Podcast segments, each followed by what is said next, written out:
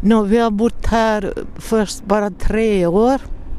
Vi har bott i Vasa under vårt yr yrkesverksamma liv.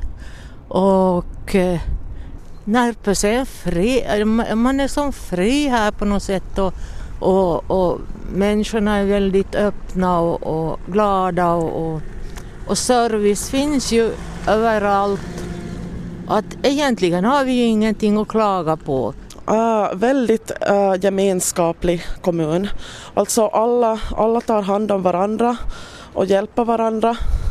Uh, och väldigt liksom mycket innovationer. Liksom att det kommer nya liksom, möjligheter och folk som folk är väldigt engagerade, liksom väldigt aktiv kommun. Det säger Jonna Nykänen och Rita Pilgren Haparanta, och så låter det bland de flesta jag talar med. När jag ställer frågan om det är något som saknas i staden så är svaret enkelt. Nej. Allt som, allt som man vill ha så finns här? jag har nog allt här som jag, som jag behöver. Nej, inte. jag tycker nog vi har det mest.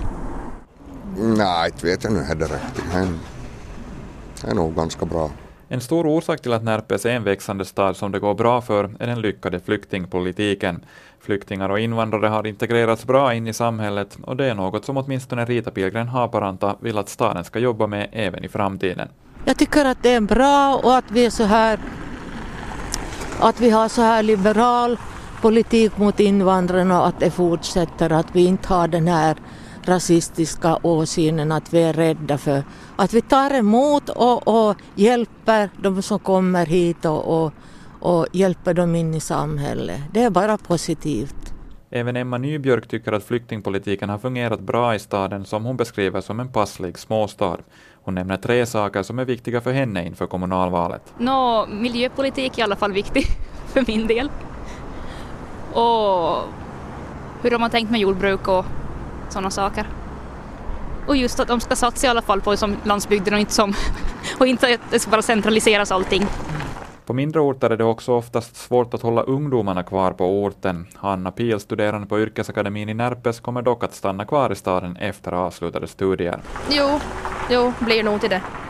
Och du är inte orolig över att, eh, att det inte skulle finnas något jobb här? Nej, det finns nog alltid någonstans något jobb. Allt verkar alltså vara frid och fröjd i Närpes och det finns en stark framtidstro i staden. Det går nog framåt hela tiden tycker jag. Den har ju alltid gjort det.